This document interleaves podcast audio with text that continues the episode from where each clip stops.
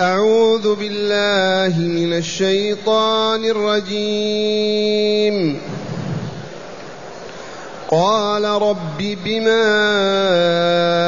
أنعمت علي فلن أكون ظهيرا للمجرمين. فأصبح في المدينة خائفا يترقب. فإذا الذي استنصره بالأمس يستصرخه. قال له موسى إنك لغوي مبين. فلما أن أراد أن يبطش بالذي هو عدو لهما قال يا موسى قال يا موسى أتريد أن تقتلني كما قتلت نفسا بالأمس؟ إن تريد إلا أن تكون جبارا في الأرض. إن تريد إلا أن تكون جبارا في الأرض وما تريد أن تكون من المصلحين. وجاء رجل من أقصى المدينة يسعى. قال يا موسى إن الملأ يأتمرون بك ليقتلوك. إن الملأ يأتمرون بك ليقتلوك فاخرج إني لك من الناصحين. فخرج منها خائفا يترقب. قال رب نجني من القوم الظالمين. معاشر المستمعين والمستمعات من المؤمنين والمؤمنات ما زال السياق في قصة موسى عليه السلام مع فرعون. فقول ربنا تعالى قال ربي أي يا ربي وقد عرفتم لما تحذف الياء ياء النداء من أجل أن الله معك يسمع كلامك وليس بعيد عنك حتى تناديه بيا ربي. ولو قلت يا ربي لحسن قال ربي بما أنعمت أي بسبب إنعامك علي. أنعم عليه بماذا؟ إذ تقدم أن موسى قتل قبطيا خطأ. قتل قبطيا خطأ. لكمه فمات ودفنه في الرمل. ثم اعترف موسى بخطئه واستغفر الله وطلب أن يغفر له فغفر له. فهو يقول إذن بما أنعمت علي بمغفرتك لي وعدم مواخذتك إياي على هذا القتيل فلن أكون ظهيرا للمجرمين بعد اليوم. والمجرمون تعرفونهم بيض أم سود طوال أم قصار عرب أم عجم المجرم الذي يجرم على نفسه يصب عليها أطنان الذنوب والآثام فيفسدها. أجرم على نفسه فمرتكبو كبائر الذنوب مجرمون. سواء بالزنا أو باللواط أو بالقتل أو بالربا أو بالخيانة أو بترك الصلاة أو بترك بعض الواجبات أولئك هم المجرمون. الذين أجرموا على أنفسهم ويجرمون على غيرهم يفسدون أموالهم وأعراضهم أبدانهم. ماذا قال فلن أكون ظهيرا للمجرمين. قالت العلماء لو استثنى هنا لكان خيرا له. لو قال فلن أكون إن شاء الله بعد اليوم ظهيرا للمجرمين. لكن ما استثنى فوقع فيها. لو استثنى وهذا الذي يحسن بنا دائما إن شاء الله. غدا إن شاء الله نكون في هذا المجلس. سأدعوكم بعد غد إن شاء الله لكذا. والرسول الكريم صلى الله عليه وسلم ما إن عاتبه ربه تعالى مرة واحدة. في قضية أصحاب الكهف لما سألوه قال كذا ما قال إن شاء الله. فعاتبه الله بقوله ولا تقولن لشيء إني فاعل ذلك غدا إلا أن يشاء الله إلا أن تقول إن شاء الله. وهكذا ما زال المؤمنون والمؤمنات لا يفارقون هذا المنهج الرباني. دائما من أنت؟ عبد الله إن شاء الله أيضا عابده. فأصبح أي موسى عليه السلام في المدينة ما اسمها؟ منف عاصمة فرعون. في المدينة أصبح خائفا من القتل الذي حدث بالأمس. يترقب ما الذي يحدث له؟ قد يطلعون عليه قد يبلغون قد كذا. يترقب ما يحدث. فإذا الذي استنصره بالأمس يستصرخه اليوم. ذاك الأحمق المجنون الذي استنصر أمس وهو إسرائيلي وأظنه كافر أو فاسق أيضا. ما كل الإسرائيليين مؤمنون لأنهم في بلد الاستعمار يتدينون بدين ملوكهم وسلاطينهم. إذا يستصرخه أنقذني أنقذني أنقذني لأن قبطي قوي أخذ بتلابيبه أنقذني. قال له موسى إنك لغوي مبين. أي ذو غواية وشر وفساد. بالأمس سببت لنا محنة واليوم تريد أخرى أيضا. إنك لغوي مبين الغواية. أي فأسد القلب والنفس. إذا فلما أن أراد أن يبطش موسى بيده بالذي هو عدو لهما أي قبطي قال الإسرائيلي يا موسى تريد أن تقتلني كما قتلت بالأمس أعلن عن قتله وسمعه القبطي ومشوا إلى القصر على طول. وانعقد مؤتمر القضية. كشفه.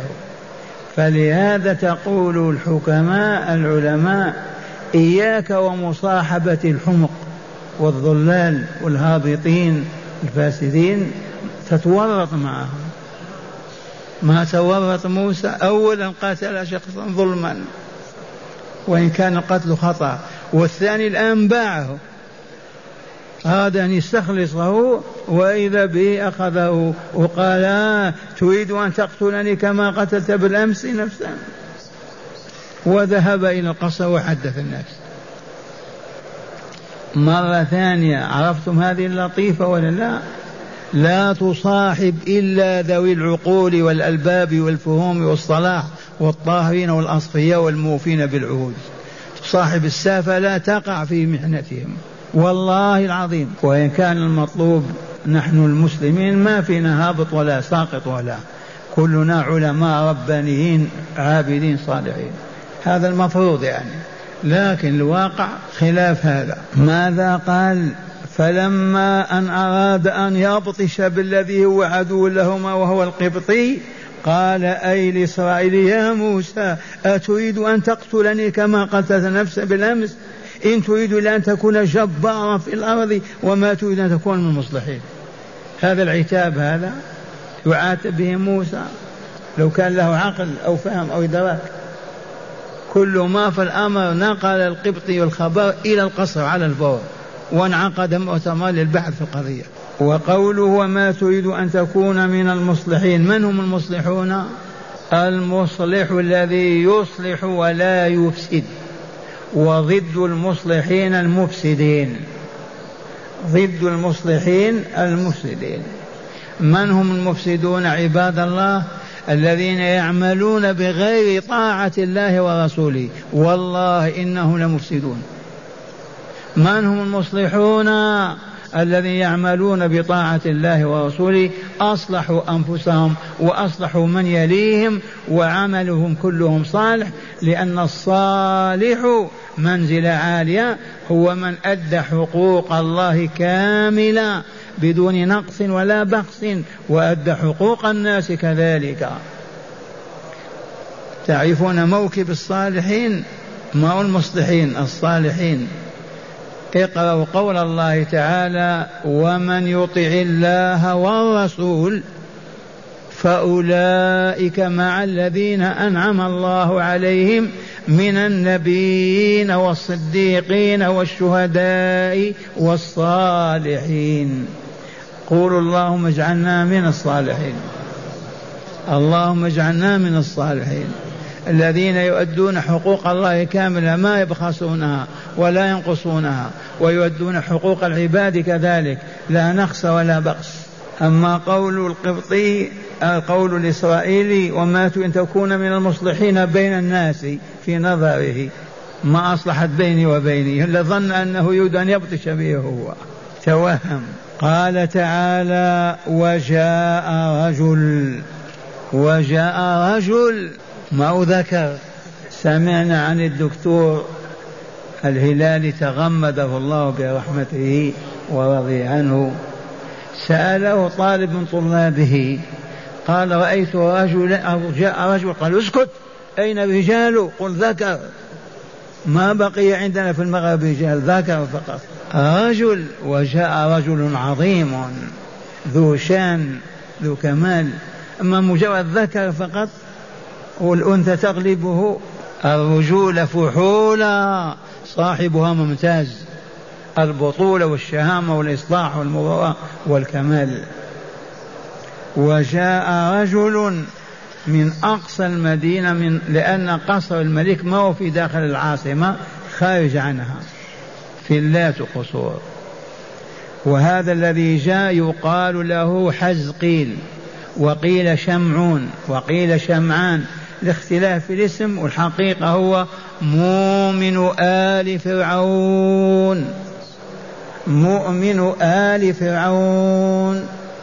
وقال الذي وقال رجل من آل فرعون يكتم إيمانه أتقتلون رجل؟ يقول ربي الله هذا. فانعقد المؤتمر الملأ الحكام المسؤولون الأغنياء كذا وتداول القضية وأصدروا الحكم على موسى بالإعدام. لأنه قتل وتبين لهم أنه قتل. لكن قتل الخطأ ما يعدم صاحبه ولكن ليسوا على دين ولا على ملة كفار مشركون هابطون. لكن قالوا قتل أحدنا نقتله. وجاء رجل من أقصى المدينة يسعى يسع في مشيه ليبلغ موسى الأمانة التي تحملها. قال يا موسى إن الملأ يأتمرون بك ليقتلوك. والاعتمار والتآمر معروف. التجمع على الشيء ودراسته والقول فيه ثم الحكم بما يصدر منهم. إن الملأ من هم الملأ؟ فرعون ورجاله الذين يملؤون العين إذا نظرت إليهم لأبهاتهم. يأتمرون بك لماذا؟ ليقتلوك. إذا فاخرج إني لك من الناصحين. هنا لطيفتان. الأولى المفروض في المواطنين إذا زلت قدم أحدهم فعل جريمة أن يبلغ به المسؤولين. اللطيفة الثانية إذا كان هذا الذي ارتكب جريمة ليست جريمة حق خطأ سوء فهم فقط ينبغي أيضا لمن علم أن ينصح له بالخروج من البلاد. حتى لا يلجأ إلى القتل أو السجن وهو ما هو بظالم. متهم فقط. لأن موسى ما هو بمتعمد القتل. أراد أن يخلص المتضاربين بعضهم البعض. لما لكمه مات. حضر أجله. قتل خطأ. فاخرج إني لك من الناصحين. قال تعالى فخرج منها خائفا. استجاب موسى لمؤمن آل فرعون لما قال له وخرج من المدينة يترقب. كل ساعة يقول ممكن الآن يصل إلي من يمسكني. يترقب ماذا يحدث؟ ثم لجأ إلى ربه تعالى فقال ربي نجني من القوم الظالمين. واستجاب الله. ربي يا ربي نجني من القوم الظالمين. من هم فرعون وملأه ورجاله؟ مشركون كافرون ظالمون فاسقون هابطون. فسأل ربه أن ينجي منهم فوالله لنجاه. فخرج من المدينة ومشى إلى مدين وفي طريقه حدثت أحداث ستأتي في الآيات بعد ذلك. أسمعكم شرح الآيات مرة ثانية. معنى الآيات لقد تقدم في الآية التي قبل هذه. ماذا تقدم؟ أن موسى عليه السلام قد قتل قبطيا بطريق الخطأ وأنه اعترف لربه تعالى بخطئه واستغفره وأن الله تعالى غفر له وأعلمه بذلك بما شاء من وصايا. لماذا قلنا بما شاء من وصايا لأنه ما نبئ بعد لكن أوقع في نفسه أو جاءه ملك وسيط من الوصايا أعلمه أنه قد غفر له. ولما علم موسى بمغفرة الله تعالى له عاهده. أي عاهد ربه. بماذا؟ ألا يكون ظهيرا للمجرمين في المستقبل. ومن ذلك أن يعتزل فرعون وملأه لأنهم ظالمون مجرمون. فقال رب بما أنعمت علي أي بمغفرتك لخطائي خطائي وذلك بالنظر إلى إيماء إنعامك علي بالمغفرة أعاهدك ألا أكون ظهيرا للمجرمين. هذا ما دلت عليه الآية الكريمة. أي الأولى في هذا السياق وهي قوله تعالى قال رب بما أنعمت علي فلن أكون ظهيرا للمجرمين وقوله تعالى فأصبح في المدينة خائفا يترقب أي فأصبح موسى في مدينة منف عاصمة المملكة الفرعونية وخائفا خائفا مما قد يترتب على قتله القبطية ويترقب الأحداث ماذا ماذا تسفر عنه. فإذا الذي يستنصر بالأمس وهو الإسرائيلي الذي طلب نصرته أمس يستصرخه أي يستغيثه بأعلى صوته. فنظر إليه موسى وأقبل عليه ليخلصه قائلا إنك لغوي مبين. أي لذو غواية بينة والغواية الفساد في الخلق والدين. لأنك أمس قاتلت واليوم تقاتل أيضا. فلما أن أراد أن يبتش أن يبتش أي موسى بالذي هو عدو لهما وهو القبطي قال لإسرائيل أتريد أن تقتلني كما قتلت نفسا بالأمس؟ إن تريد إلا أن تكون جبارا في الأرض أي تضرب وتقتل. كما تشاء ولا تخاف عقوبة ذلك وما تريد أن تكون من المصلحين. عفريت هذا القبطي. لا ما هو القبطي الإسرائيلي على علم. قال وما تريد أن تكون من المصلحين الذين يصلحون بين الشخ بين المتخاصمين. قال الإسرائيلي هذا لأنه جبان وخاف من هجمة موسى. ظانا أنه يريده هو لما قدم له من قدم له من القول. إنك لغوي مبين. فلما سمع القبطي ما قال مقاتله الإسرائيلي نقلها إلى القصر وكان من عماله ممن يعملون في القصر. فاجتمع رجال القصر برئاسة فرعون يتداولون القضية. وينظرون إلى ظروفها ونتائجها وما يترتب عليها. وكان من جملة رجال المؤتمر مؤمن آل فرعون حزقيل أو شمعون. وكان مؤمنا يكتم إيمانه.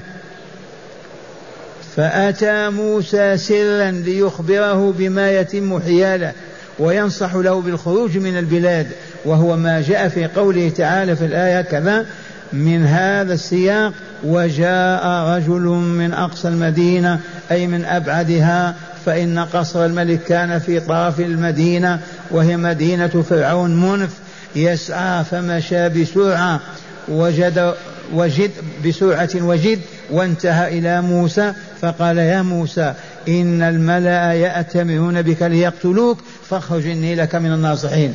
قال تعالى فخرج منها أي من بلاد فرعون خائفا يترقب خائفا من القتل يترقب الطلب الطلب ماذا سيحدث له من نجاة أو خلافه؟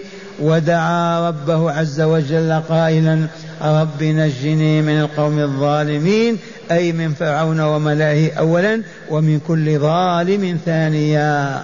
ونجاه الله تعالى مع هداية الآيات. بسم الله والحمد لله. من هداية هذه الآيات أولا شكر النعم. فموسى لما غفر الله تعالى له شكره بأن تعهد له ألا يقف إلى جنب مجرم أبدا. يا معشر, يا معشر المستمعين والمستمعات عرفتم هذه الحقيقة؟ دلت الآية على شكر النعم. موسى شكر نعمة الله عليه وإلا لا؟ فعلى كل مؤمن ينعم الله عليه بنعمة. أكل شرب لباس ركوب عافية أمن إلا ويجب أن يقول الحمد لله والشكر لله. ولهذا نظامنا في حياتنا نحمد الله بعد الأكل بعد الشرب بعد الركوب بعد النزول بعد القيام من النوم بعد القيام بعد الجلوس للنوم. لا نفارق الحمد لله أبدا أي الشكر لله عز وجل. والغافلون لا يعرفون هذا ولا يسمعون به. قلدوا في كلمة الشرب أو الأكل أما ما عدا ذلك ما يعرفونه.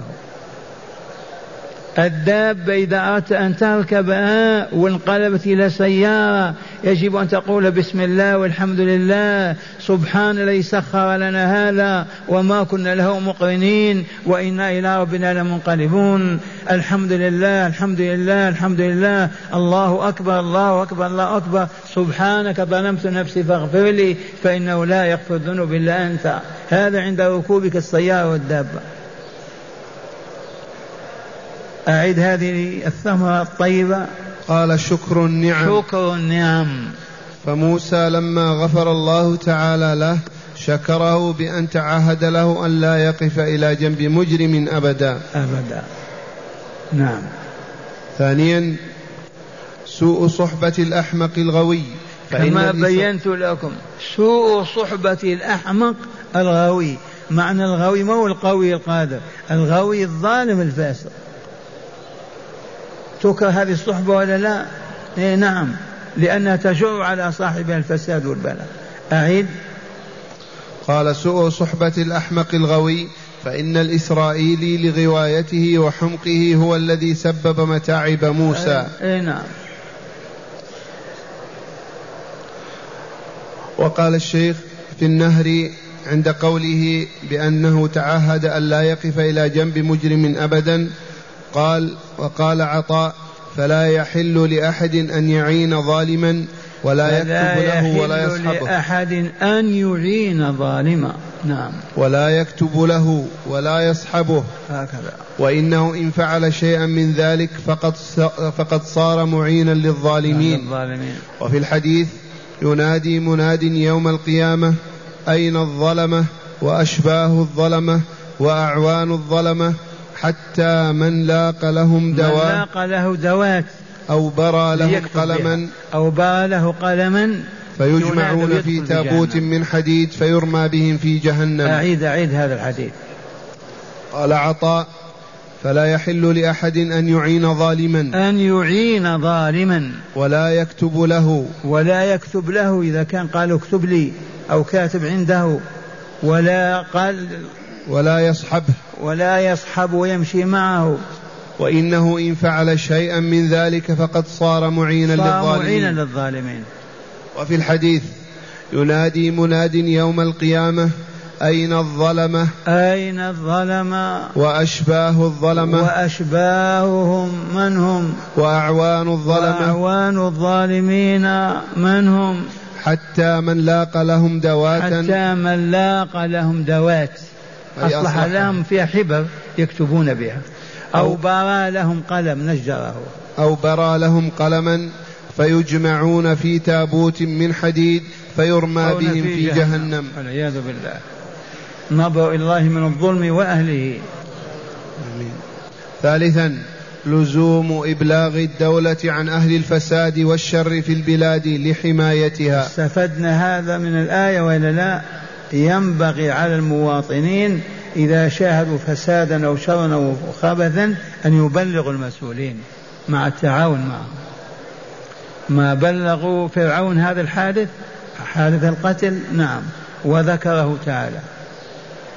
رابعا وجوب النصح وبذل النصيحة فمؤمن آل فرعون يعلم سلامة موسى من العيب ومن الجريمة فتعين له أن ينصح موسى بمغادرة البلاد لينجو إن شاء الله. وليس هذا من باب خيانة البلاد والدولة لأن موسى من أهل الكمال وما حدث عنه كان من باب الخطأ.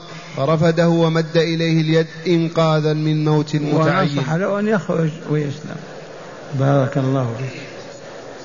مع الآيات مرة ثانية لتدبرها بقي من هداية الآيات بقي واحدة الخامسة الخوف الطبيعي, الخوف الطبيعي لا يلام عليه.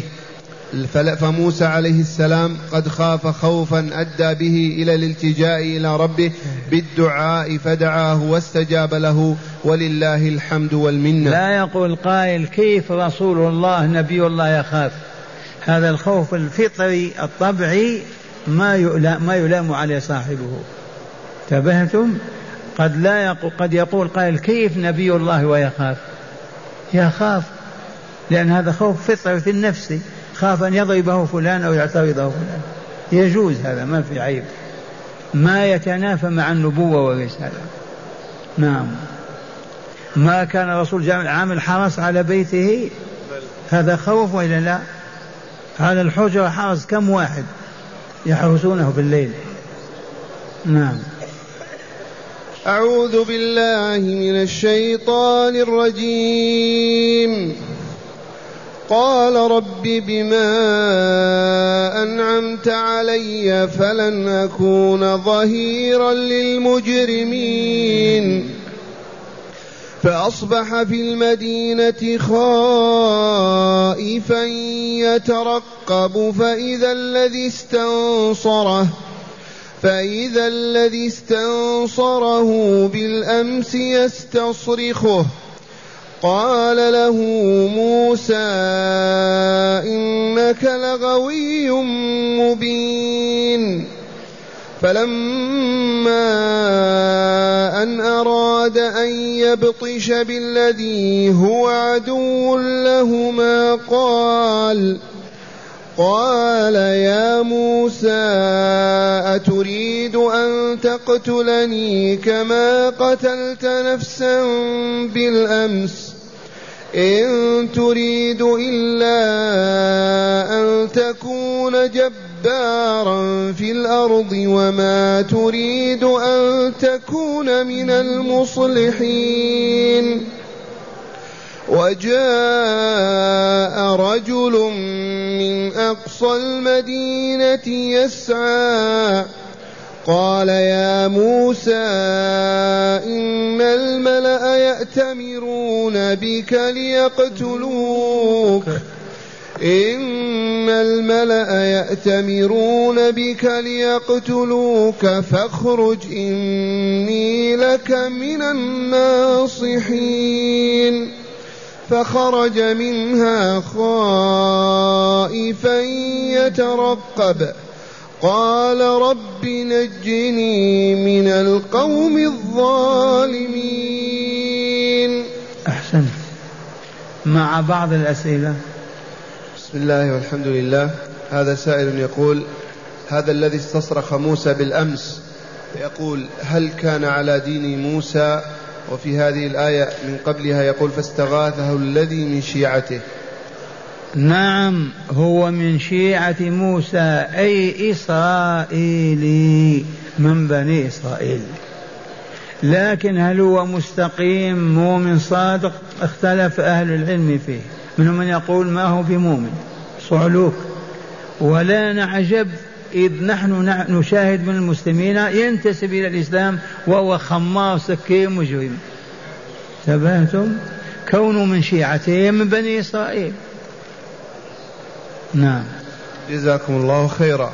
وهذا سائل يقول هل مؤمن آل فرعون هو حبيب النجار الذي في سورة ياسين وجاء من أقصى المدينة رجل يسعى؟ قال يا قوم الجواب لا لا لا, لا. أين موسى من عيسى بينهم ثلاثة آلاف سنة أو ألفين سنة؟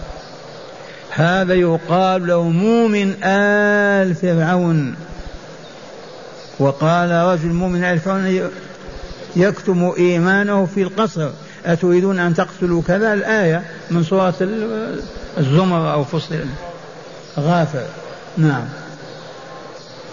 جزاكم الله خيرا. آه هذا سائل يقول فضيلة الشيخ هل يجوز الذهاب إلى الوليمة بدون دعوة من صاحب الوليمة؟ حيث أن آه قد يقول أفتيت بأن ذلك لا يجوز وأنه سحت نرجو الإفادة. نعم يقول السائل الكريم هل يجوز لأحدنا أن يذهب إلى وليمة عرس أو وليمة من الولائم بدون إذن من صاحبها؟ ما جاءته دعوة ولا طلب منه الجواب لا يجوز وأكله حرام. اللهم إلا إذا وصل استأذن له أحد زملائه فقال يا فلان فلان جئنا به معنا تسمحون له أن يأكل معنا؟ فإن قال نعم جاز ذلك. أما يأتي بدون استئذان وينصب على القصع يأكل يأكل سحة حرام. مال الناس بدون حق. ما باع ولا اشترى ولا عمل. نعم. قال أحد المستمعين إذا كانت دعوة عامة إذا كانت دعوة عامة ما سمى أحدا. معشر أهل البلاد. يا أهل القرية يا أهل المسجد هذه دعوة عامة هو واحد منهم. لكن هل توجد دعوات عامة؟ نعم. جزاكم الله خيرا. هذا السائل يسأل عن آه، القنوت في صلاة الفجر هل هو واجب أم لا؟ القنوت في صلاة الصبح مستحب وليس بواجب. ومن قنت في الوتر فهو خير له. وذلكم أن النبي صلى الله عليه وسلم قانت في الصبح شهرا يدعو على مجموعة من المتلصصين عرفتم عنهم. ثم ترك. فمن ثم أخذ مالك والشافعي مشروعية القنوت في صلاة الصبح فهم يقنتون إلى اليوم. الإمام أحمد رحمه الله يقنت في الوتر والكل واسع وجائز. أقنت في الصبح لأن القنوت دعاء وتضرع إلى الله عز وجل. في الصبح أو في ركعة الوتر والكل واسع. جزاكم الله خيرا. هذا سائل آه، يقول هل يجوز قتل الذباب حرقا بواسطة آه، الكهرباء؟ يقول السائل هل يجوز قتل الذباب حرقا بواسطة الكهرباء؟ الجواب لو عندنا رسول صلى الله عليه وسلم موجودا لذهبنا إليه وسألناه ما عندنا. من نسأل؟ ما كان الذباب يحرق ولا عندهم آلة الحريق. هو الذباب إذا آذانا نقتله لكنها رسول عن الإحراق بالنار لا يعذب بالنار إلا الله. فلما وقعت هذه المحنة نفوض أمرها إلى الله فنقول الله أعلم. جزاكم الله خيرا. آه، يقول فضيلة الشيخ ابتلي كثير من المؤمنين آه، بتضييع صلاة الفجر مع الجماعة. يقول هل من نصيحة لهؤلاء؟ يقول السائل الكريم لقد ابتلي كثيرون بإضاعة صلاة الصبح مع الجماعة. فهل من نصيحة لهم؟ الجواب نصيحتي لهم أن يعلموا أن من صلى الصبح في جماعة كأنما قام الليل كله. كيف تفوت هذه الفرصة عنك؟ أسألك بالله. وأنصح لهم أن لا ي... بعد صلاة العشاء أن لا ينكبوا على التلفاز والشاشات التي ترهقهم والتي تضيع وقتهم. عليك يا عبد الله المؤمن إذا صليت العشاء أنت وأولادك تناول طعامك إن شئت ونم. ومن ثم تقوم للفجر وللتهجد أيضا. والذين يؤخرون صلاة الصبح حتى تفوتهم أضاعوا شيئا كبيرا. نرجو الله تعالى أن لا يعودوا لمثل هذا.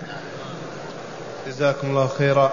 سائل يقول فضيلة الشيخ هل يجوز لبس أو لبس الذهب المخلوط بالنحاس هل يجوز لبس الذهب المخلوط بالنحاس؟ أما للنساء فجائز جائز جائز. أما للفحول أي الرجال فلا يجوز. أين هم الرجال؟ أنت والله منهم.